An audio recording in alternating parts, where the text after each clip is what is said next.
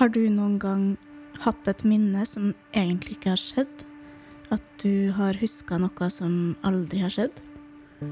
Det er faktisk en um, egen greie som heter Mandela-effekten. Og Fiona Broom hun er en av de som har hatt et sånt minne. Hun har et helt tydelig minne av at Nelson Mandela døde på 80-tallet, selv om han faktisk levde helt fram til 2013. Og hun har snakka med mange andre om denne tragiske hendelsen, og oppdaga at veldig mange andre også huska det samme. De huska detaljer, de huska nyhetssaker, og de huska til og med en tale av enka hans på nyhetene. Så hun lagde en nettside i eh, 2009 for å følge dette fenomenet i detalj. En annen veldig kjent eh, fenomen er at veldig mange på nettet husker at det fins en film som heter Shazam, som er kjent fra 90-tallet, hvor det var en som het Simbad i hovedrollen. Veldig mange husker den filmen, men den har aldri eksistert. Hva er det her for noe?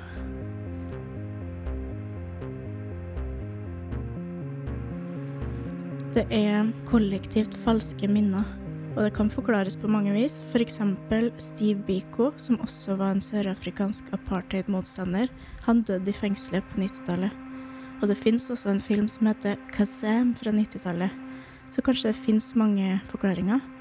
Men allikevel, kanskje er det sånn at man har bytta dimensjon og har levd i en annen virkelighet. Tora har sånn, eh, et sånt minne, og vi lurer på har Tora bytta dimensjon? Vi trenger hjelp fra dere til å finne ut det her. For du, Tora, du har jo et sånt minne som du har forklart til meg. Ja, jeg har, et, eh, jeg har flere sånne ja. minner, men jeg har et som jeg eh, pleier å le meg i hjel av. Både når jeg tenker på det selv, og når jeg forteller det til andre. Ja, for hør. En gang på 90-tallet så jeg en reklamefilm for enten McDonald's eller Jarlsberg ost, eller at det var et samarbeid mellom de to. Ok. Jeg husker tydelig eh, en reklamefilm som gikk ut på at forskjellige mennesker med forskjellige nasjonaliteter mm. uttalte ordet Jarlsberg. Ja. Det var eh, noen fra Kina som sa det på en kinesisk måte. Sikkert noen fra USA som sa det veldig amerikansk. Mm. Det jeg kan huske, er en fra Nederland som sa Ja, Jarles rost.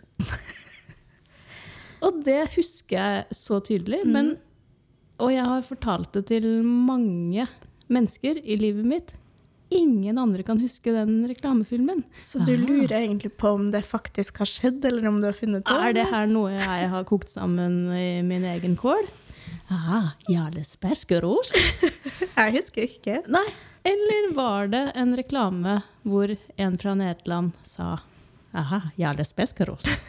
Vi trenger egentlig litt eh, innspill fra dere ja, som lytter på. Er det noen som kan huske Jarles Beskerosten? Ja. Hvis noen gjør det, vær så snill å gi tilbakemelding til meg. For eh, jeg kan tenke meg at det er et falskt minne. Ja. Men det er veldig tydelig for meg. Men kanskje du har bytta dimensjon for alt du vet, ja, og at det var i en annen dimensjon, og så våkna du opp en dag, og så var du i en dimensjon der det aldri har skjedd. Det kan godt Eller ja. ja. Og så har du en til. Ja. som er enda mer crazy. Ja, den er creepy. Eh, jeg har et tydelig minne av at jeg var hjemme fra skolen mm. en gang eh, da jeg var liten. Jeg så på TV. Jeg var mhm. syk da, sikkert. Ja. Jeg tipper det var Sverige E1 eller 2. Ja, for dere hadde svenske kanaler Vi hadde NRK. i Hvaler på yes. den tida? Ja. Jeg vokste opp med Disney Dax og ah. svensk barne-TV. Olibompa. Derfor er alle i Fredrikstad så gode til å snakke svensk, ah. altså. Det, ja. det, det er korrekt. Hvert fall tilbake. jeg drøm... Nei, jeg kan så tydelig huske en film. Mm. Handlingen var sånn. En voks, halvvoksen fyr har sex med moren sin, blir oppdaga av faren sin, blir jagd ut av huset, inn i skogen. Okay. Han eh, faller nedi eller svømmer ut i et tjern. Okay. eh, vikler seg inn i sånne vannliljetråder. Mm. Blir sittende fast der. Lever av at han fanger fisker som svømmer forbi med kjeften. Får tak i et egg på et tidspunkt. OK.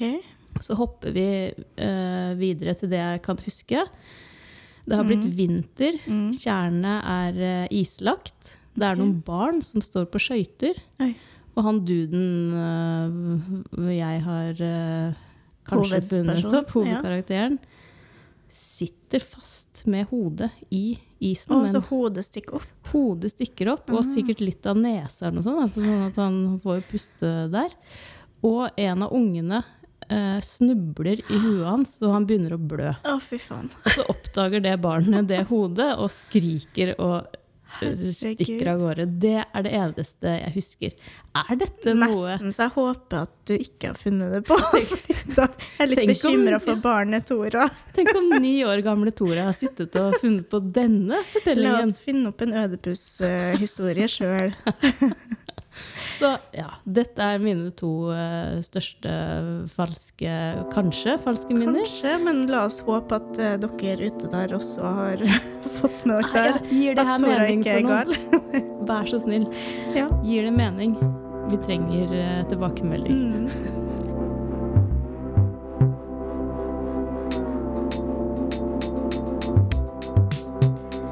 Ja, det var dagens mysterium, folkens. Dagens mysterium. Skriv til oss om dere har hørt om her, altså. Ja, vær så snill. Jeg dauer. Jeg trenger å vite er om noen flere. Episode fire allerede, Kari. Ja, og Sjukt. vi har jo alltid drømt om å ha en fanklubb. Ja, det har vi. Eh, og nå har vi lagd en fanklubb sjøl. Ja, vi fant på et eh, navn til vår egen fanklubb. Ja, Eh, lytterne våre, liksom. ja, over et glass vin, det må Mhm. sies. Vi fant ut at eh, fellesnevner for oss to mm. er jo at vi har sjukt små bakhoder. Ja, flate, små bakhoder. Og jeg pleier ofte å si liksom på kødd at eh, jeg har zika-virus. ja, Og så når jeg sa det til deg, så sa du ja, at du sier det samme. jeg òg. Og så er det jo sånn at både du og jeg har på eh, kanskje flere tidspunkter Ja. googla Zika virus grown up. Yes, så vi vel Bare for å sammenligne oss. For å se om vi faktisk Og jeg syns egentlig at jeg ser litt sånn ut.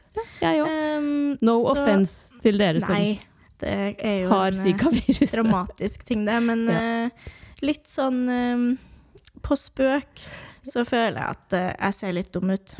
Jeg òg. Vi ser litt dumme ut sammen. Og det som vi fant ut da, var jo at vi begge har da små bakhoder. Mm. Uh, skulle ikke tro det, for vi er så smart.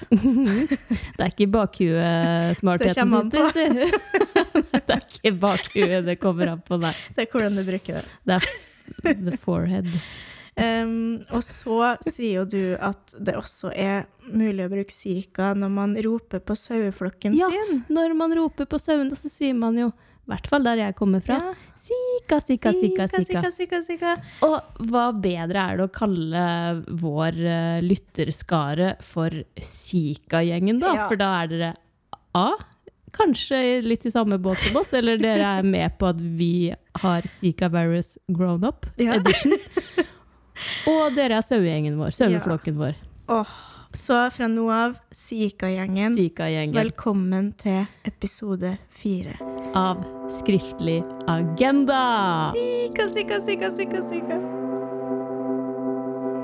Ja, da skal vi snakke litt om skriving igjen. Mm, skriving, det er det vi snakker mest om. Ja. Em, og vi har faktisk fått uh, noen innsendte tekster fra Mhm. medlemmer av Sika-gjengen vår. Sika-gjengen. Em, så jeg skal lese opp en liten tekst fra ei som har prøvd ut uh, object writing for første gang. Ja, det er gøy. Uh, og den var så fin. Ja, få høre. Så nå skal dere få høre en tekst skrevet av Sigrid. Hei, Sigrid. Blåmeisen sitter i epletreet. Den lager en insisterende lyd, som om den konstant ber om oppmerksomhet fra omverdenen. Se på meg, her er jeg, jeg lever. Lyden er høyfrekvent og ganske rytmisk, men varierer noe.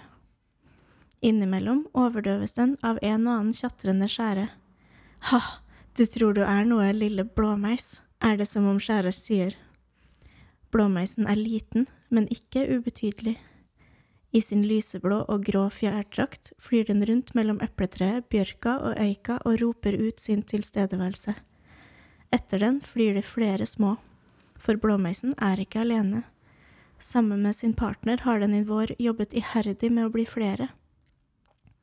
De har fløyet på skift inn og ut av fugleklassa, først med kvist og kvast, rusk og rask, og så med insekter og småmark. Plutselig en dag stakk det ut et lite hode.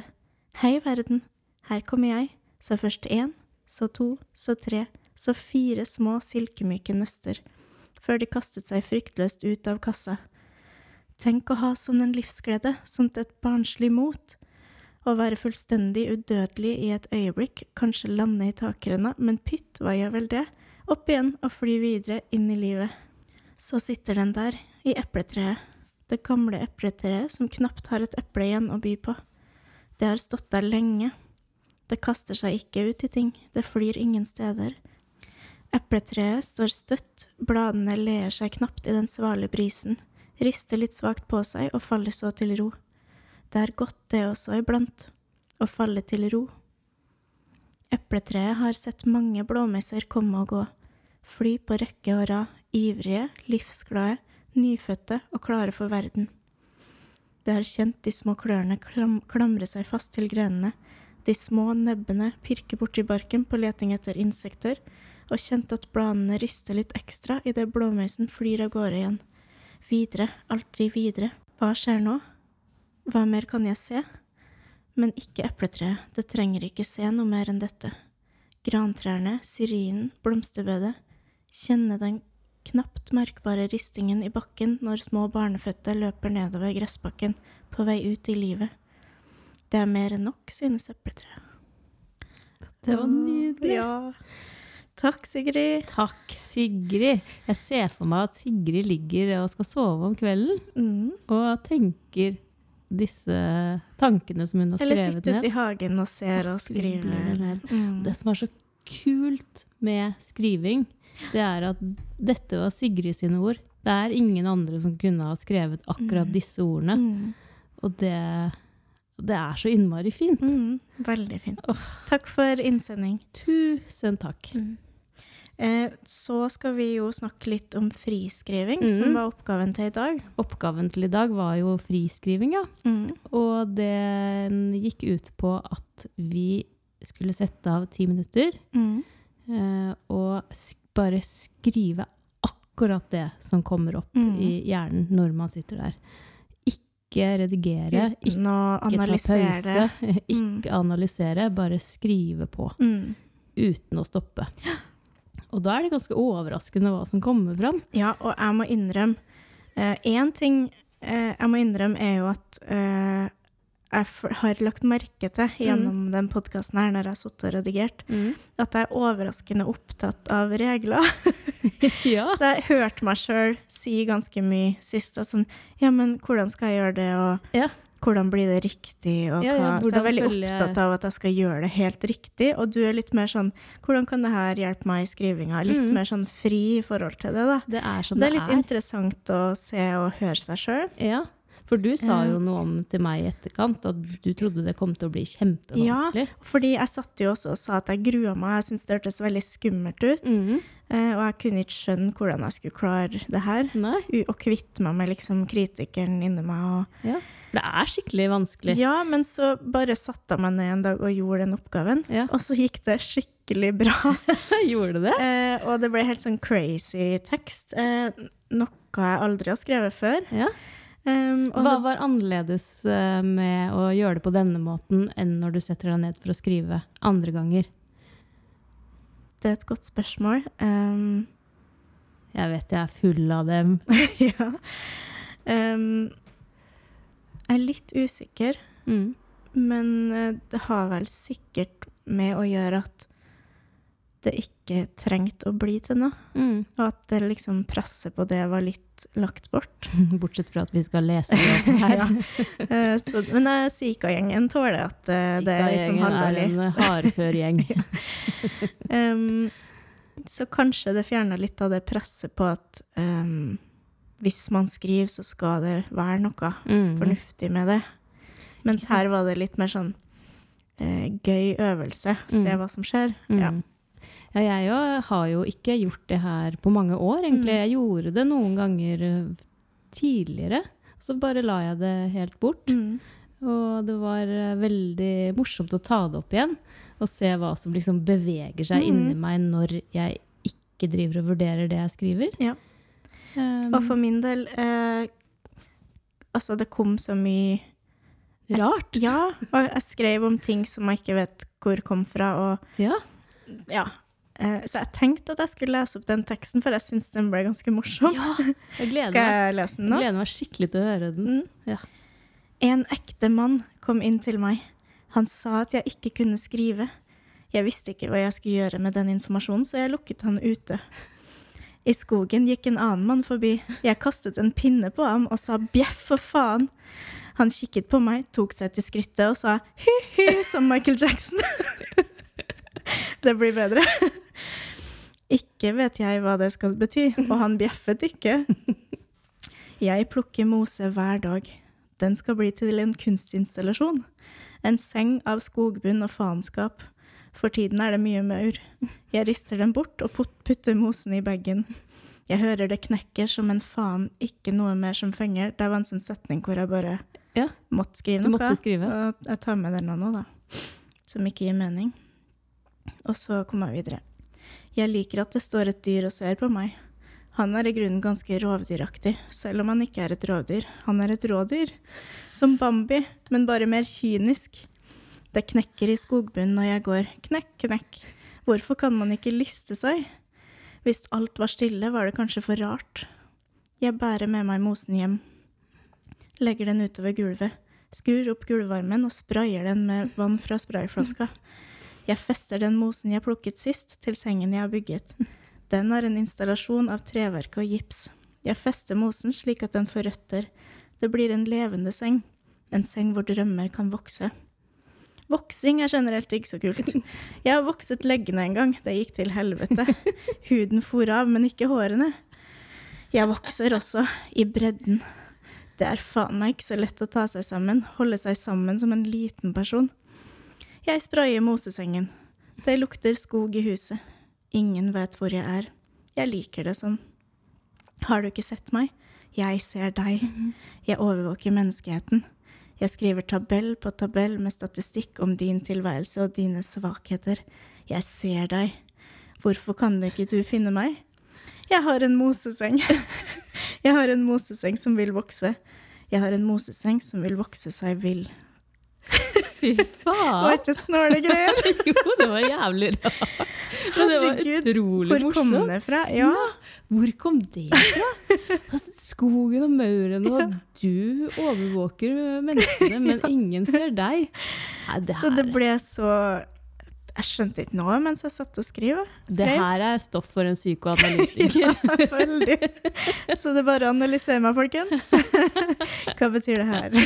Hva Nei, men betyr det er jo dette? gøy fordi at jeg hadde jo aldri skrevet det her hvis jeg skulle sette meg ned og skrive noe som jeg hadde noe retning på fra før, eller Det hadde ikke kommet. så, Og det her er jo en, Kanskje man kan bruke det til noe annet, da. Ja, nettopp. Og så er det et litt annet språk kanskje også enn jeg bruker når jeg skal prøve å skrive noe. Ja, det var jo et utrolig forskjell. levende språk, da. Ja, sånn snåle. snåle greier. Men, men det- morsomt, ja. Ja, og så Ja. var det jo en rød tråd gjennom hele greia. Ja, i hvert fall at jeg gikk tilbake til noe hvis jeg ikke hadde noe mer å si, da. Så Ja. gikk jeg tilbake til det samme temaet igjen. Ja, liksom. ikke sant? Da Mm. bare plukka du automatisk opp det forrige Ja. og, og skrev Mm. videre på det. Så det var en artig opplevelse, da. Det var utrolig Og morsomt. snåle greier som ble Snåle greier. Kari, vi snakker om at jeg er snål som har de minnene jeg har. Jeg bare snål til vanlig. Nei, Ja, det var Så gøy. det kom ut fra fingrene mine Fra ned på tastaturet. Ja, Mm. Det er så fantastisk. Og så er det artig, for jeg leste opp for Torgrim, mannen min, Uh, og den der referansen til Michael Jackson som mm. sier hi-hi, Ja. den skjønte ikke jeg hvor kom fra, men han sa jo å, du har akkurat sendt meg en meme som har med Michael Jackson Med å gjøre. Jackson. Ja, ja, ja. Så det er noen sånne tråder og assosiasjoner sikkert som man ikke er klar over sjøl, Ja. som er med på sånne type oppgaver. Ja, det var Jævlig morsomt. Fy fader, Kari. Ja, så det var den oppgaven. Det var din oppgaven. eh, oppgave, friskriftoppgave. Ja. Har du lyst til å lese opp din, eller? Ja, jeg eh, gjorde det flere ganger. Ja, kult. Eh, tre ganger. Og det var egentlig Jeg ble litt sånn satt ut av hva som kom fram, Oi, egentlig. ja. For, for min del så ble det starten på tre noveller, kanskje. Wow, nei, så kult! Jeg, jeg vet ikke, men eh, Ja. eh, jeg tar og leser opp den siste Ja. jeg skrev. Ja, det var i overgård eller noe sånt. Ja. Så det var det som kom rett Spent. ned i mitt hode. Sommertid var sørgetid for Alma. Hun hadde ingen særskilt grunn til å sørge, men sørge gjorde hun. Hele sommeren, fra juni til den siste dagen i august, kledde hun seg i svart. Noen dager brukte hun til og med en burka hun hadde sydd på egen hånd, og til familiens store forskrekkelse. Det var som om hun ventet på noe, på et eller annet forløsende som kunne utløse denne altfor store sorgen hun gikk rundt og bar på, som et dødt barn i armene. Mm. Veldig dramatisk. Wow. Den første vårdagen det året hadde hun fått et støkk i kroppen. Det var ikke uvanlig. Alma fikk støkk både her og der, i tide og i utide, men denne første vårdagen var det som om noe rent fysisk hadde bitt seg inn i siden på henne mens hun var ute og gikk langs, langs den øde veien som endte opp, eller ledet bort fra plassen hun hadde bodd siden hun ble født. Hun stanset opp og så seg rundt, forundret først over ikke å se et eller annet dyr, tamt eller vilt, og ikke et annet menneske heller, som hadde lusket seg innpå for å gi henne et, ja, et støkk. Hun var lettskremt, og det visste folk i bygda. Hun var rett som det var den de andre lo av, og det var i orden for Alma. Det var ikke henne imot å være en som spredde litt glede rundt seg nå og da. Men likevel, dette støkket kom fra innsiden av henne selv. Liksom at dette som fylte henne av sorg denne sommeren, hadde brutt seg inn i henne den første vårdagen, og sakte bredt seg rundt i kroppen. Hun gikk fra å være lys, og der ringte klokka. Oi. Altså, hun gikk fra å være lys, var det siste jeg rakk å skrive. Å ja, ok. Så gikk alarmen. Mm, da skjønner jeg. Stilig. Ja, hva, hva var dette? Jeg likte den der at det beit seg fast i henne. Ja. Det var så veldig fysisk. beskrivelse. Ja, det Beskrivelse. var uh, noe. Mm. Kan være noe å skrive en novelle ut fra det. Ja, veldig. Det var sorgtungt. Ja. Men uh, Livet kan jo være mørkt, det. livet er hardt, men ingen kuk er så hardt som livet. Det står det på T-skjorta mi i dag, faktisk. Det var di direkte Direkte fra. Karis eh, T-skjorte. Um, men ja, det er veldig forskjellige resultater vi Ja. har fått. da. For jeg trodde at jeg skulle skrive sånn Ja ja, sol, ball eh, Ja. Det høres jo ut som noe du har jobba med, og så det var bare ferdig produkt. ja, det var nesten. det som kom. Det er rart. Ja. Kjempe... Jeg kaster pinne på menn i skogen, liksom. ja. Men eh, jeg liker at eh, humoren kom fram i, i ditt. Ja. Alvoret håper- kom fram i mitt. Ja, det, eh, folk tar det som humor, i hvert fall. Mm. ja, ikke tar det sånn- bokstavelig. Hva Hva er det hun Kari driver med? Ja. Hun lager en moseseng og noe greier. Hva betyr det? Ja. Hva er det metafor for? Mm. Nei, det Men det var en morsom oppgave. Ja. Og hvis eh, noen av dere i Sika-gjengen vår har Mhm. eh, begitt dere ut på samme type oppgave, så vær så snill og del det med oss. ja, det er veldig artig for oss å se Ja. at det er flere som er med oss på reisen her. Mm. Så del i, del i vei. Del i vei. Mm. Skriftlig agenda. Da, folkens, har vi kommet fram til eh, den delen i dagens episode som eh, vi Vi har kalt lesesirkel. Som vi har kalt lesesirkel. ja. Vi fikk et spørsmål om hvordan man kan bli med på lesesirkelen vår. ja, det var et vår. godt spørsmål. Ja, på Instagram. Fordi det er kanskje å trekke det litt langt å kalle det lesesirkel. Ja, det er kanskje litt misvisende. Eh, men, Men- vi har jo tenkt at det kanskje kan føles litt som å være med på en lesesirkel. Ja. Sitte og høre på det her, og kanskje dere har lest boka på for, i forkant. Mm, Eller ikke, men å sitte og lytte og diskutere boka litt. Og. mm. Så vi håper at det kan oppleves litt som å sitte sammen med oss og ha lesesirkel. I en sirkel med Ja. stearinlys i midten, ja. raggsokker og et godt ullteppe. Mm. Det er sånn du har lesesirkel. Det er sånn jeg ser for meg lesesirkel. Og vi, den boka vi skal ta for oss eh, i dagens lesesirkel, mm. dere, er Kristin Valla sin 'Egne steder'. Mm. Det er en bok du og jeg har lest Ja. den siste tiden.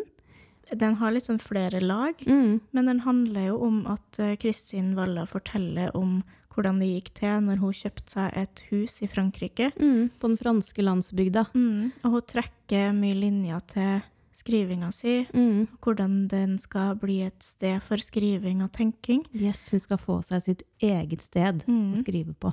Og så veksler den teksten da mellom denne fortellinga om huset i Frankrike, Mm. eh, og veksler til fortellinga om andre kvinnelige forfattere og deres sted hvor de sitter og skriver. Mm. Så hvilke forutsetninger har de hatt for å skrive? Ja. Hvilke plass har de hatt for å skrive i livet sitt? Både Mm. fysisk, men også Mentalt og mentalt og kanskje psykologisk. Ja, og har forpliktelsene ved å være kvinne og mor Mm. opp gjennom tida Mm. eh, gjort det vanskelig å være forfatter samtidig, f.eks.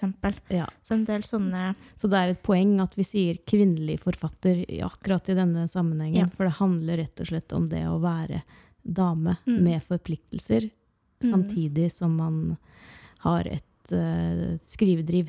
Det er et fint ord. Det er et godt ord. Jeg har sagt det i hver eneste episode hittil. Har du? Ja. Nei, jeg har ikke tenkt over det.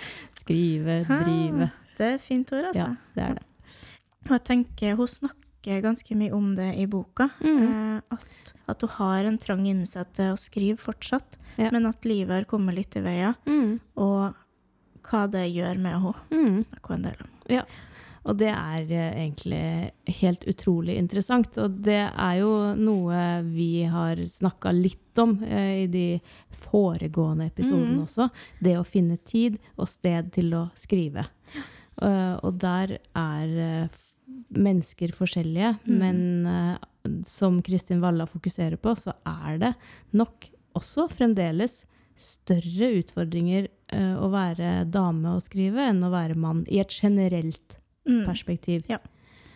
Også, Med tanke på familie, barn, mors rolle Ja, Eh, og så trekker jeg jo linje tilbake i tid til Mm. som levde på 1800-tallet og 1900-tallet, hvor det var litt andre strukturer i samfunnet vårt òg, og Ja. hvordan det var for dem. Så det er, sånn, det er historiske linjer her. Mm. Og hvis det ikke har kommet tydelig nok fram enda, så er det jo sakprosa av den boka her. Det er det. Så det er jo veldig sånn informativt skrevet om de her kvinnelige forfatterne, og også Mm. Og veldig, veldig godt uh, researcharbeid. mm, Det er Veldig veldig, levende, Ja. eh, de delene hvor hun skriver om uh, de andre kvinnelige forfatterne. Ja. veldig inspirerende, og får lyst til å lese mer av Ja. de. Ja. Helt klart. ja. Så eh, ja, jeg likte veldig godt den, eh, det hun begynner boka med. Mm. Eh, Hun forteller at hun har vært ute Hun har hatt et intervju med John Irving. Um, eh, og en annen mannlig forfatterdebutant, Mm. amerikansk forfatterdebutant, Som hun ikke navngir. som hun ikke Mm. navngir. I etterkant av den uh, samtalen så er de ute på en restaurant og skal spise middag. Um, og jeg liker veldig godt den selvransakelsen som hun starter boka med Mm. som handler om hvorfor hun valgte å forbli taus i samtalen hun hadde uh, Med de to. med de to Mm. mennene. Hun kunne ha sagt at hun også debuterte med en roman som solgte bra og ble oversatt til flere språk da den kom ut, da hun var på alder med den unge mannlige forfatteren. Ja, er det mannlig? For det så jeg etter i går, og jeg vet ikke om det står det. Å nei. Men det står bare amerikansk. Å ja. Tror Da er det bare jeg som har Ja, kobla og jeg mann Ja, for og sjøl, mann. skjønner du. Okay. Så lette jeg etter det. Det kan, da kan det være mann eller dame. Mm. Uansett. eh, hun valgte å ikke si noe om seg selv, også, lurer, også seg selv og sitt forfattervirke. Eh, hun blir sittende der og lytte til de to andre forfatterne. Eh, og så lurer hun på hvorfor. Hvorfor hun ikke tok den plassen som Mm. hun veldig lett kunne ha tatt. Ja. Eh, og hvorfor får hun ikke skrevet egne bøker lenger? Mm. Og det, Tora, minner meg litt om den samtalen vi hadde Var det første episode, tror jeg? Når du sier at du ikke kan kalle deg forfatter. Mm. Eh, for det Det er noe med med å virkelig ta inn over seg den forfatteridentiteten. Ja. Og hva skal til for å kunne kalle seg det. Og Mm. Jeg syns det er noen linjer der, altså. Det er det Mm. absolutt. Jeg kjente godt igjen den Mm. uh, der at nei, jeg skal ikke ta noe plass. Jeg har ikke Ja. skrevet noe på lenge. Ja. Uh, nei, jeg er en uh, kvinne med arbeid og hjem Ja, og mann. sant. Og Har andre ting å gjøre. jeg må tjene Um, penger, ja. ikke sitte her og skrive. Ja, være intellektuell. Ja. Um, jeg skal lese noen setninger fra akkurat den situasjonen du skisserer der. ja, kom med det. Um, så da har de sittet på kafeen eller restauranten der og snakka, og så har hun da ikke sagt noe om sitt eget forfatterskap. Mm. Av en eller annen grunn virket mitt eget forfatterskap overhodet ikke relevant. I stedet lyttet jeg oppmerksomt, nikket vennlig og interessert, fylte rollen min, som i all hovedsak var å skape hygge for de to, ikke ulikt de tunge, røde gardinene som fylte vårt vesle chambre séparée med varme og harmoni. På trikken hjemover ble jeg sittende og tenke på hvordan alt dette hadde gått til. Hvordan hadde jeg gått fra å være en ung og lovende forfatter til å bli en gardin? Oi! Den Det likte jeg, den ja. språklige schwungen der, altså. Yes. Mm. At hun liksom gikk i, i ett med inventaret, på en Mm. måte, eller bare var til Var eh, en, eh, en funksjon. Ja. Og ikke et menneske i seg selv, Ja. med sine egne sitt eget forfatterskap Og å vise til. visjoner, på en Mm. måte. Mm. Derfor trenger Kristin Valla et eget sted. Mm. Og tittelen eh, et, 'Et eget sted' viser jo til eh, Virginia Woolf sin klassiker 'Et eget rom'. Mm. Eller egne steder, own. heter det. A Mm. room of one's own. Mm. Um, så det er jo altså disse egne stedene som mange kvinnelige forfattere virkelig har kjempet for uh, å få opp gjennom historien, som eh, er interessant her. Og jeg trodde jo at jeg hadde lest Virginia Woolf, men det viste seg jo at jeg ikke hadde, så jeg prøvde å få lest det nå, men jeg har Mm. bare kommet i starten. Den er ganske Litt tung. sånn tungt språk, men veldig interessant. Og allerede nå i starten så snakker jo Virginia Woolf mye om um, Hun har laget en historie ut av det, da. Ja. Men at hun går rundt og prøver å tenke dype tanker og har laget interessante tankerekker, og så blir de avbrutt stadig vekk fordi hun ikke har noe sted å sitte og Som tenke de er hennes eget sted. Eller eh, hun blir avbrutt av, på grunn av at hun er, ja, har andre forpliktelser. Da. Og det kjenner jeg så jækla Mm. godt igjen. Ja. Jeg sitter og er midt inne i en komplisert tankerekke. Mm. Å skrive er litt som å drive med øhm, Sjakk. Ja, komplisert matematikk, Ja. Vil jeg påstå Oi, oi, oi. at det er. Fordi det krever enormt mye konsentrasjon å skulle Mm. komme fra A til B i et, eh, I et, X, X i andre. X i annen. Mm. Um, hvis du blir avbrutt mens du holder på å løse en ligning, så kan du ikke løse ligningen. Mm. Det er litt uh, Ja, jeg trekker Ja. linjer til Mm. mitt eget liv. Det er hardt arbeid å holde konsentrasjonen. Ja. Ja. Så ehm, jeg opplever at hun snakker mye om det her med at hun kommer inn i småbarnslivet, får mm. mann og barn og Ja. bygger hus, bygger rede, ehm, og blir på en måte lulla inn i hverdagens tannhjul. Da. Mm. Um, Det var en god setning, Kari. Hverdagens Lulla inn i hverdagens tannhjul. Ja. Det må vi huske på. Og så um, Nå datt jeg ut. ja. For det var så god setning at uh, Hjelp. Og hun sier også at det er helt greit i en periode, og hun Mhm. sier at det var fint sånn, men Ja. så etter hvert blir hun utålmodig og vil, Og litt klaustrofobisk. ja, vil koble seg tilbake igjen på det livet der hun var en skrivende person. Da. Mm.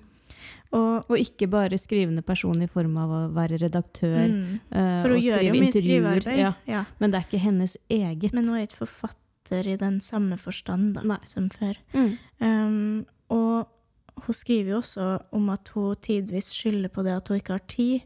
Og så opplever hun etter hvert at de gangene hun har tid, og har huset for seg sjøl, Mm. så gjør ikke hun det Skriver da da heller. heller. Så um, jeg tror hun er veldig sånn søkende på leting etter hvordan skal hun finne tilbake til forfatteren inni seg sjøl. Mm. Hvordan skal hun finne sitt eget rom? Mm. Og det jeg opplever med den boka her, er jo at hun ikke alltid skjønner sine egne lengsler og trang, sin egen trang og sine egne handlinger underveis. Mhm. Men hun bare føler at hun må gjøre noe for å komme dit. Mm. Og så bruker hun denne boka til å på en måte Hun bruker boka og også de eksemplene fra de andre forfatterne Mm. til å argumentere og Og forklare for seg sjøl. reflektere over sin egen situasjon. Ja, sine egne prosesser, Ja. opplever jeg. Og at uh, fortellingene om de andre forfatterne blir på en måte et svar på hvorfor hun føler at hun trenger å kjøpe det huset i, Ja. i Frankrike. Og, Og skulle til å si Fredrikstad, men Frankrike. Det er Og- big difference. Ja. og hvorfor hun føler et behov for å gjøre som hun gjør, da. Ja, Mm. og det er ganske drastisk det hun gjør. Hun Ja. stikker til Frankrike, leter etter et hus, Mm. finner en rønne som er full av mugg og faenskap. Ja, og Som- kjøper hus med lånte penger, Mm. øh, og Mannen må stå på det lånet. ja. Hun kan ikke få det lånet i kraft av bare å være Mm. seg selv. Så det er mange lange og vanskelige prosesser hun går gjennom Det for å få til det her. Mm. Um, og det er veldig spennende at vi får lov å være med på hele den reisa. Både hennes indre reise Mm. og reisa hennes med huset. og pusse opp et hus. huset. Fra bunnen av. Og alle interiørvalg og alle Små og store bestemmelser og krangler med forskjellige byggefolk. mm, Og lekkasje og Ja, det ene faen, med det det andre. pes, altså. Ja. Veldig spennende og tung prosess, virker det som. Og det ble en bra bok ut av det. Mm. Det jeg likte veldig godt med den boka her, eh, spesielt godt, kanskje best, Mhm. var det stykket om Haldis Moren Vesaas. Ja. Og hvordan hun Altså, hun er jo en av Norges mest betydningsfulle forfattere. Mm. Eh, og hun var jo gift med Tarjei Vesaas. Mm. Haldis var en uh, dame med ambisjoner. Ja. Hun skulle skrive, og, Og hun var jo veldig viktig i mange Hun satt jo i mange sånne utvalg og Ja. uh, Jeg husker ikke akkurat Norsk Forfatterforening, Forfatterforening, Mm. tror jeg. Og, Så hun var en viktig dame. mm, hun var en foregangskvinne. Ja. Når du nevner Haldis, så skal jeg lese et lite utdrag eh, fra historia til Kristin Walla, og Mhm. hvordan hun da kobler sin historie sammen Med med Haldis. Moren sin. sin historie. Ja, det er interessant. Så Kristin forteller litt fra sitt eget liv først. Mm. Jeg hadde mitt eget rom fra den dagen jeg ble født. Det sto klart til meg da foreldrene mine kom med meg fra klinikken, i den romslige villaen hvor jeg vokste opp. Ganske tidlig må jeg ha inntatt dette værelset. Rommet mitt var husets minste. Det tenkte jeg sjelden på, for jeg hadde det jeg trengte der inne. En seng, et skap, hyller med pynteting jeg syntes var fine. Noe skrivebord var det ikke plass til, så mamma fikk en snekker til å lage en bordplate som jeg kunne felle ned over fotenden av sengen, og som jeg festet til veggen med en skyvelås når jeg skulle sove. I utvidelsen av dette rommet lå bygda, hvor jeg gikk lange turer for meg selv. Jeg var ikke venneløs, jeg valgte den ensomheten, å unnslippe samværets trygghet som jeg visste var der uansett. Det var i dette rommet jeg begynte å skrive. Først i en dagbok som jeg fikk til jul da jeg var ni år gammel, og som jeg skrev ut på bare noen uker.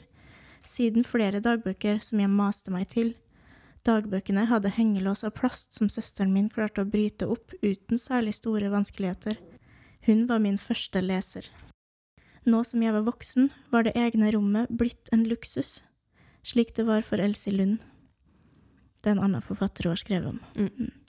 Det å lukke seg inne bak en dør og være for seg selv var noe jeg forbandt med barndommen og de årene jeg var singel og bodde alene, da jeg drømte om å møblere leiligheten min med en mann. Så lett jeg hadde gitt dette rommet fra meg, tenkte jeg nå. Så lite jeg reflekterte over hva det faktisk betydde å forlate de stedene hvor jeg hadde skrevet de første romanene mine, uten en plan for hvordan jeg skulle beholde rommet eller holde fast ved forfatterskapet mitt. Jeg tenkte ikke på det.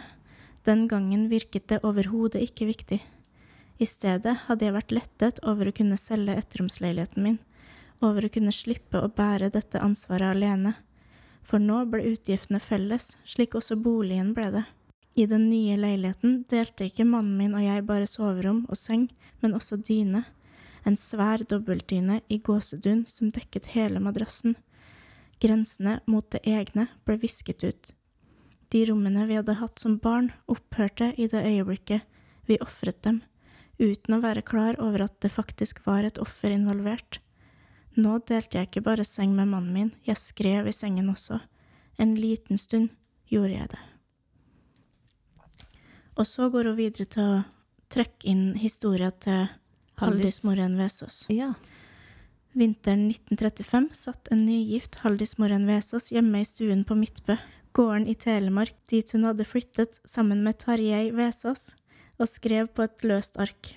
I dag har jeg sydd ferdig vesten til Tarjei, bantar bare knapper og knapphull, og bakt tolv lomper og båret mjølk til gravøls, laga mat, beskikket mitt hus, sett på manuskriptet mitt som er og blir kjedelig, skrive et par eh, løs, løsrevne sider om den boka jeg våner jeg får skrive en gang. Tarjei sitter oppå og skriver noe godt, han. I morgen skal han være borte hele dagen. Mm. Så hun fletter denne historien sammen med sin egen, og Mm. opplever at hun med det sier noe om sitt eget liv. Da. Mm. Og jeg syns også plasseringene av de tekstene og de forfatterne hun skriver om, Mm. er veldig godt plassert Ja, i forhold til du sin egen historie. Ja, det er Uh... Og det skjønte jeg mer og mer utover i boka. At Ja. liksom Oi, det her er Det var noe For du catcha. om Ja, ja. For jeg catcha ikke den. Nei. Så for meg så var det litt mer tilfeldig. Mm. Men ehm, tilbake til uh, Haldis, mm. da.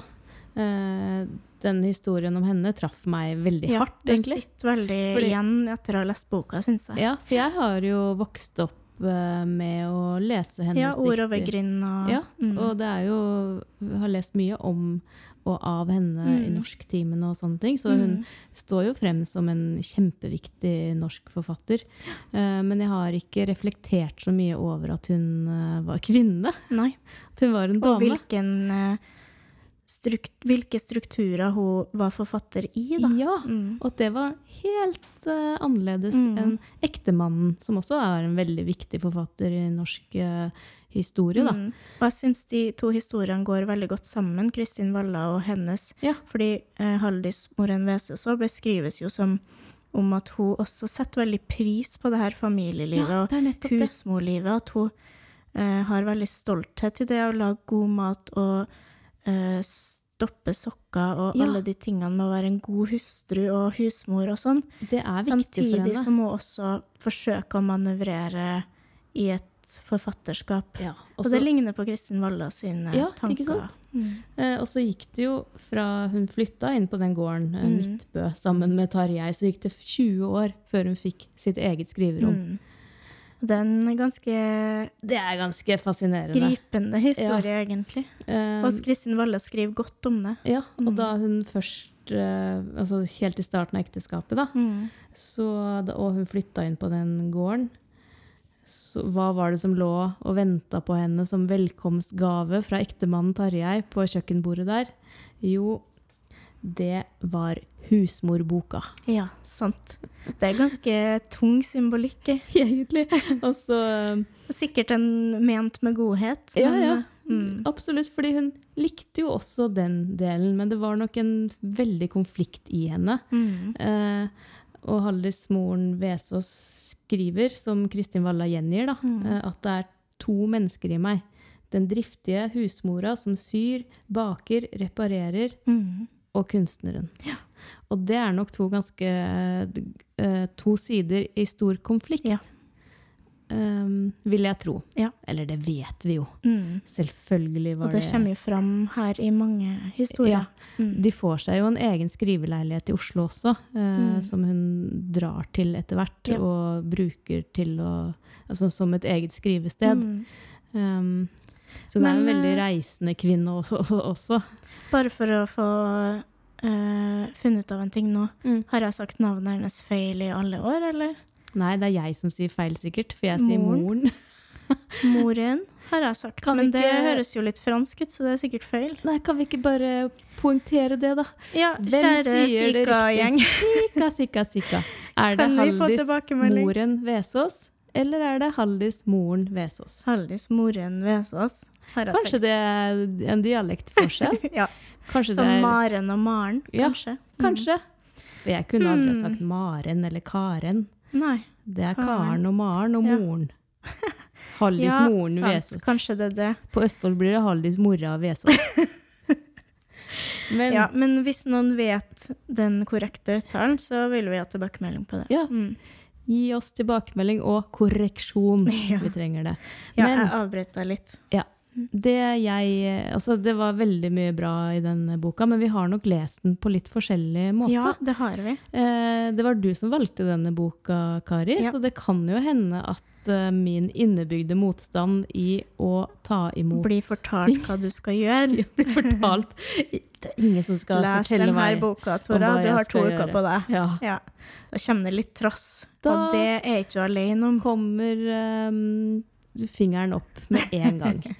Eh, så altså, det kan hende at det, det spiller Jeg inn. har spilt inn litt. Mm. Men eh, jeg må ærlig innrømme at jeg syns det er litt for mye fokus på oppussing i denne Interiør, boka. mm. Interiør og Og oppussing. det er jo flere som har kritisert Ja. henne for. Og litt for lite fokus på Vallas egne skriving. Mm. Uh, ja, poenget mitt er at det, mot slutten der så kommer det fram at hun faktisk har skrevet en uh, bok i denne prosessen det er å pusse Mm. opp uh, dette falleferdige huset i Frankrike. Ja. Um, hvorfor har hun ikke skrevet mer om det, liksom? Hvorfor har hun ikke dratt inn prosessen det var å skrive, faktisk, uh, sin Ja. egen bok? Det stussa jeg på. Og det savner du. Jeg savner det, Mm. og ja, jeg syns også kanskje noen ganger i de fortellingene om de andre forfatterne litt for mye fokus på interiøret. Eh, litt for lite fokus på eh, litteraturen. Men fortell hva du har plukka opp der, Kari. Ja, fordi jeg er helt uenig i det. Ja. For jeg syns ikke at boka handler om det. Nei. Eh, og jeg tenker kritikken av boka er, har jo vært av noen at den kan virke litt overfladisk, og at den handler for mye om inter- interiør, f.eks. Ja. Men for min del så gjorde det meg interessert og inspirert, for jeg føler at forfatteren på en måte bygger seg et drømmeslott, og at det er veldig symbolsk. Mhm. Og at hun bygger noe som er større enn virkeligheten, på en måte. Fargen på veggene framstår som noe livsviktig, på en måte, Mhm. for alt må være på akkurat riktig vis. Ja. Fordi hun skal bygge sitt eget forfatterskap. Ok. Så oppussingen er liksom en slags metafor Ja, på det opplever jeg. Og at det livsviktige i hver avgjørelse og hver planlegging og hver Ja. liste em, gjør prosjektet interessant, fordi engasjementet hennes smitter så veldig. Ok, ja. Um, og at hun har en slags uforløst trang til å bygge noe nytt og utfordre seg sjøl med noe nytt. Og, Og noe um, som er hennes. Ja. Det som jeg likte best med boka, da, Mm. eh, sånn som jeg tolka den Mm. Det kan gjerne at jeg har tolka det veldig annerledes enn alle andre òg, men jeg opplever at hun legger veldig vekt på og veldig, tillegger veldig verdi til tankeprosesser og indre prosesser, og hvordan, hvilke ringvirkninger de prosessene kan gi til andre aspekter av livet. Da. Ok. Jeg har Um, ikke fått med meg det. Nei, men Det, det forsvinner i oppussingen for min del. ja, Eller i alle de valgene det kan jo hende at jeg har overtolka også. Eh, men jeg opplever at eh, engasjement em, Ja, at hun tillegger tankeprosesser og sinnstilstand Mhm. verdi og mening, og det setter jeg veldig pris på med boka. Ja. Eksempel det her med at hvor man sitter og skriver. Mm. påvirker jo veldig i stor grad hvordan man jobber med noe. Mhm. Sånn at hun bygger seg på en måte et sted for tankeprosesser. Ja, Og ikke nødvendigvis for å skrive en bok, men Nei. for å være for hun skrev jo ikke den boka i leiligheten. der, sant? Nei. Nei. Um, Eller huset. Og også at alle de her prosessene som kanskje er overfladiske, da. Mm. Fargen på veggene og lag lister over hvilke, hvilke stoler hun skal Ja, ha. og en helt utrolig komplisert dusj. Alle de her tingene um, er prosesser som hun har inni seg, som skaper engasjement og lidenskap for det huset som hun blir veldig glad i. Mm. Og de, en, det engasjementet i seg sjøl Mm. smitter over på skrivinga. Ok, Så at det- ja. Både to separate ting, men at det kanskje også er en metafor. ja. Men bare det der at alle positive tingene vi gjør som gir oss glede i livet, kan Som å spille inn podkast. Ja, ja men det har jeg tenkt, det har podkasten vært for meg. Mm. Noe som gir gode ringvirkninger, da. Mm. Og jeg opplever at det her huset Er noe er, som Er- gir gode ringvirkninger. Ja, en god, positiv spiral, Ja. også til skrivinga hennes, da. Mm. En annen ting som jeg syns var interessant, var jo at eh, hun virker veldig opptatt av um, hvordan man skal være forfatter. Ja! Um, så hun skriver her er et sitat eh, fra henne, da, Kristin Walla, Mm. om de andre kvinnelige forfatterne her. Ja. Um, jeg leste hva de skrev, men enda mer var jeg opptatt av hva de gjorde. Så hun har mye fokus gjennom boka på det her med Det er hva gjør andre forfattere? Ja. Hvordan er man forfatter? ja. Hun har, jeg opplever at hun har et litt sånn romantisert bilde av det å være forfatter, og kanskje overkomplisere det litt. At hun skal prøve å finne en sånn En slags oppskrift på Ja, hvordan være Kanskje en slags opphøyd Ja. eh, forfatterskap, på en Ja. måte. Og at hun leter etter det. Ja. Um, og det kan man jo både være positivt og negativt, på en måte. For det, man er jo menneske hele tida. Forfattere er mennesker, de også. Mm. De lever helt vanlige liv. Men det er interessant at hun på en måte hele tida prøver å trekke ut hvordan lever andre forfattere. Mm. Eh, hun leter litt etter det, da. Mm. Hvordan skal hun være forfatter? Mm. Eh, sikkert fordi hun leter etter eh, identiteten sin. Ja. Ja. ja. Leter etter sin egen forfatteridentitet. Og med det da lete etter eh, Eller eh, søke hos andre kvinnelige forfattere Ja, etter et svar. hvordan de har vært forfattere. Mm. Det syns jeg er uinteressant. Ja. Så sant. Eh, kanskje du Det traff ikke deg, det elementet, sant? Nei. Um, og det var heller ikke det jeg syntes var mest interessant med boka. Nei. Men, eh, men det er interessant at hun er opptatt av det. Ja, ja, ja. Og det Mm. er jo mange som er opptatt av det. Mm. Og det, ja, kan, det kan vi også snakke veldig mye Mm. mer om, det med virkelighetslitteratur og Mm. alt det der også. Mm. Eh, For min egen del syns det er dritkjedelig hva forfatterne driver med i priva privatlivet sitt. Hovedgreia er hva bøkene består av. Mm. Fortellingene, historiene. Mm. Det blir litt eh, Nå skal jeg trekke en litt eh, søkt Ja. tråd her, Ja. men det blir litt på samme måte som med musikk. da, At Ja. Er litt sånn som lytter til musikken uten å vite så mye om artistene. Og så havner jeg på, i prat med noen på en fest, gjerne en mann i 50-årene. Så er sånn Ja, men hva heter gitaristen? Som også er hvit, kanskje. Ja. Hva heter gitaristen som var med i 78, liksom? Ja. Det er ikke jeg interessert i. Det driter jeg i. Snork! Ja. Men da skal de teste meg, liksom. Ja. Vet du hva andre plata heter som var gitt ut på det? ja. Mm. Jeg ser det står Led Zeppelin på skjorta. Ja, di. opp alle albumene. det, er, det er litt søkt, men eh, det er litt det samme òg. Mm. Eh, man eh, har behov for forskjellig type informasjon Ja. for å sette pris på noe. Da. Ja. Mm. Helt klart. Kunsten for min del, ikke kunstneren. Eh, en siste ting som jeg syns var kult med boka, Ja. uh, var jo at hun hyller kvinnelige forfattere. Det gjør eh, hun. Og minner Til oss på gangs. at deres verk og deres litteratur er ute der, og at vi må lese det. Mm. Og det er jo veldig inspirerende og vel, vekker nysgjerrighet og engasjement. Mm. Så det var veldig bra. Ja, det var kult. Mm. Og jeg fikk lyst til å sjekke ut flere som jeg har på en måte glemt at jeg Jeg fikk skikkelig på lyst til ja, Susanne Mm. Brøgger. Ja. Skikkelig Ja, lyst til å spennende lese. historie. Ja, Ja. Det var kult. Mm, Den skole, gamle skolebygningen som hun drev og Mm. pussa opp. Og også for min del Sigrid Undset, Mm. som jeg aldri har lest noe av. -hmm. Så det burde jeg Mm. Så det er Det mye å ta tak i her. Det burde du. Jeg har heller aldri lest Undset. Nei. Shame oss. Men det er veldig Oss. mange norske kvinnelige forfattere Ja, jeg kult. fortsatt har igjen å lese. Ja. Eh, som er litt sånn Å, det er så mye. pinlig, syns jeg, på et vis. Og samtidig sånn har det blitt. Ja. Eh, har lest mye annet. Du leser det du leser, du. Mm. Men eh, takk til Kristin Walla Takk for en til- interessant og spennende bok. Ja, det var en interessant og Og- spennende bok. Det, det skal hun ha. mm, jeg likte oppbygginga og strukturen som var da den vekslinga mellom hennes historie og Mm. de andre kvinnelige forfatterne. Så det var veldig Mm. fin lesing. Håper Thank dere, eh, Sika-gjengen, også har lest eh, boka. Sika, Sika, sikka. Hvis ikke, les den. Ja, Hør på oss. Hør på Kristin Walla, Kagge forlag. Kagge forlag.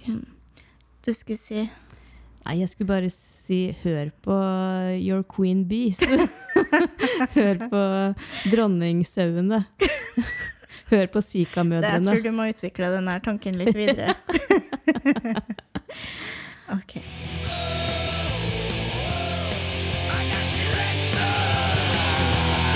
Da er det ukas ståpikk! Uka ståpikk! Ståpikk, ståpikk.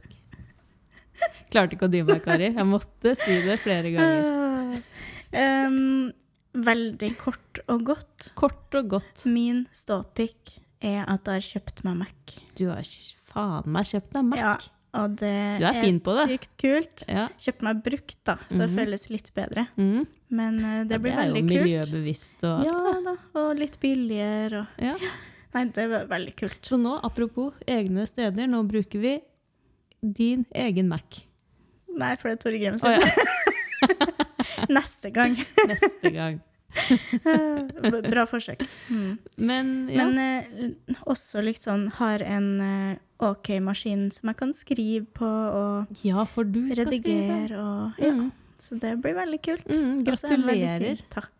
Gratulerer. Enn du, da? Kari, Mm. ukas topic for min del. Da ser jeg deg dypt inn i øynene. Ja. Det er deg, Kari. Vet du hva? Er så- Ereksjon. Ereksjon. Jeg er så begeistra for eh, det samarbeidet vårt. Jeg, og jeg, enig. jeg er så Mm. glad for at eh, vi gjør det her sammen. Ja. Og Jeg tenker hele tida Tenk at du gidder å gjøre podkast med meg. ja, føler og meg heldig. om jeg gidder. jeg elsker det. Og jeg Ja. føler at vi har eh, kommet nærmere hverandre. Mm. Eh, Det er veldig fint å jobbe sammen og utvikle et vennskap. Mm. Så jeg friend crusher på deg fremdeles. same. Mer og mer. Så nei, ukas topic Kari Duestad. Så hyggelig. OK, dagens skriveoppgave. det Heter-. Ja, den heter Word Ladder. Ladder. Word ladder. Word Ladder. Word ladder. Ordstige. Word ladder. Eh, it's a word ladder. uh, og den er egentlig en sangskrivingsmetodikk. OK. Um, men den går jo an å bruke til å skrive tekst også. Ja. Min mann har brukt den her i musikkterapi. Han er Torgrim. musikkterapeut sånn som meg. Mm -hmm. vi jobber begge med rus og psykisk helse. mhm. Og han har brukt den her i gruppe med sangskriving. Ja, det er da gøy har de at han Ja, ja, bruker tekst inn Ja. i musikkterapien. og da har de faktisk gått fra å skrive ord om jeg tror det var en brannmann, Mhm. til at det ble en sang om angst. Oi. Så det er ganske sånn åpent og kreativt, den metoden. Så jeg skal bare forklare den kort, og så skal vi bruke den til neste gang. Kanskje også dere som lytter på, bruker den. Mm. Du skal da skrive ti verb nedover Mm. eh, under hverandre, -hmm. og gjerne ta utgangspunkt i et yrke. Mm. Og det, grunnen til det er vel egentlig bare for å få i gang tankene litt, Mm. og for å få litt andre ord enn man, hvis man bare skal tenke på et verb, som hoppe, løpe, springe, Ja. blir jo ofte start. Utgangspunktet for min del, i hvert fall. Ja. Men jeg testa det sammen med noen venner her en dag, og da tok vi sykepleier. Ja. Og da kom det ord som for eksempel blote og forbinde Oi. og Blod. pleie. Ja. Og sånt. Da kommer det litt andre ord enn hvis jeg bare skulle komme på verb Hoppe. uten Løpe. ja. Så ta et yrke, eller Prompe, hvis det er jeg som Ja. sier det. Det er sikkert um, Og så, på andre sida av arket, Ja. så skriver du ti objekter under hverandre. Mm. Og for å komme i gang med det, så kan du ta ti ting du ser rundt deg i rommet, f.eks. Ja. Det trenger ikke ha sammenheng med de det andre være- ordene. Nei, så da er det liksom sånn som vi ser nå, kamera, bok, Duk, cola. ja, Ja. briller. Og så, mellom de her to stolpene, radene med ord, Mm. så skal du lage streker. Ja, Så fra ett verb til ett objekt skal du lage strek, og tilfeldige matcher. ok. Litt så sånn liksom random binde de sammen ja. med en strek. Og det som er kult med det, er at man får eh, kombinasjoner av ord som Ja. er uvanlig. Som du ikke ville ha brukt Ja, ellers. Og da kommer ikke de her automatiske koblingene, koblingene som vi ofte har i språket vårt. Ah, men litt andre måter. litt, Mm. rett og slett. Så da lager du par Ja. av et verb og et objekt. Og så når du har gjort det ti ganger, så setter du deg ned og lager setninger av det. Eh, og gjerne morsomme og uvanlige setninger som er litt annerledes enn du vanligvis ville ha gjort. Skal du liksom bake de setningene inn i en liten historie, eller er det helt Helt åpent, åpent, og du kan jo også omarbeide den teksten som kommer ut av det. Ja. Men for eksempel her, vi prøvde oss på en liten en i stad. Mm. Um, kjøre og strek til katt. Da kan man jo si 'jeg kjørte katten', eller man kan lage en lengre setning. Mm. 'Jeg ville kjøre katten til mentalsykehuset, for den var så gal'. Altså, så man kan bruke det på ulike måter. Høres ut som noe vi har vært borti før. Ja. Og så blir det til noe litt uvanlig. Mm. Eh, Det er jo så- i likhet med den uh, friskriftoppgaven en, um, en måte å bare kickstarte Ja, fristille seg litt Ja. fra de klisjeene, da. Ja. Sette hjernen i et litt annet gir, Mm. med uvanlige kombinasjoner som du ellers ikke ville ha kommet opp med. Ja. Så jeg er spent på å høre de setningene du har med til neste gang. Det, Og jeg håper kanskje jeg også. noen av dere som lytter på, har lyst til å prøve å sende oss. ja, gjør det. Eh, det hadde vært veldig gøy. Tora, Kari, bra jobba i dag. bra jobba. Det er sinnssykt varmt her inne nå. Det er det. Så jeg tror vi må lukke Vi må- opp alle dører og vinduer, Ja. ut i sola. Mm, ut og bade. Ja. Og vi snakkes, folkens. Sika-gjengen, adjø for i Sika, sika, sika. Ha det. Ha det.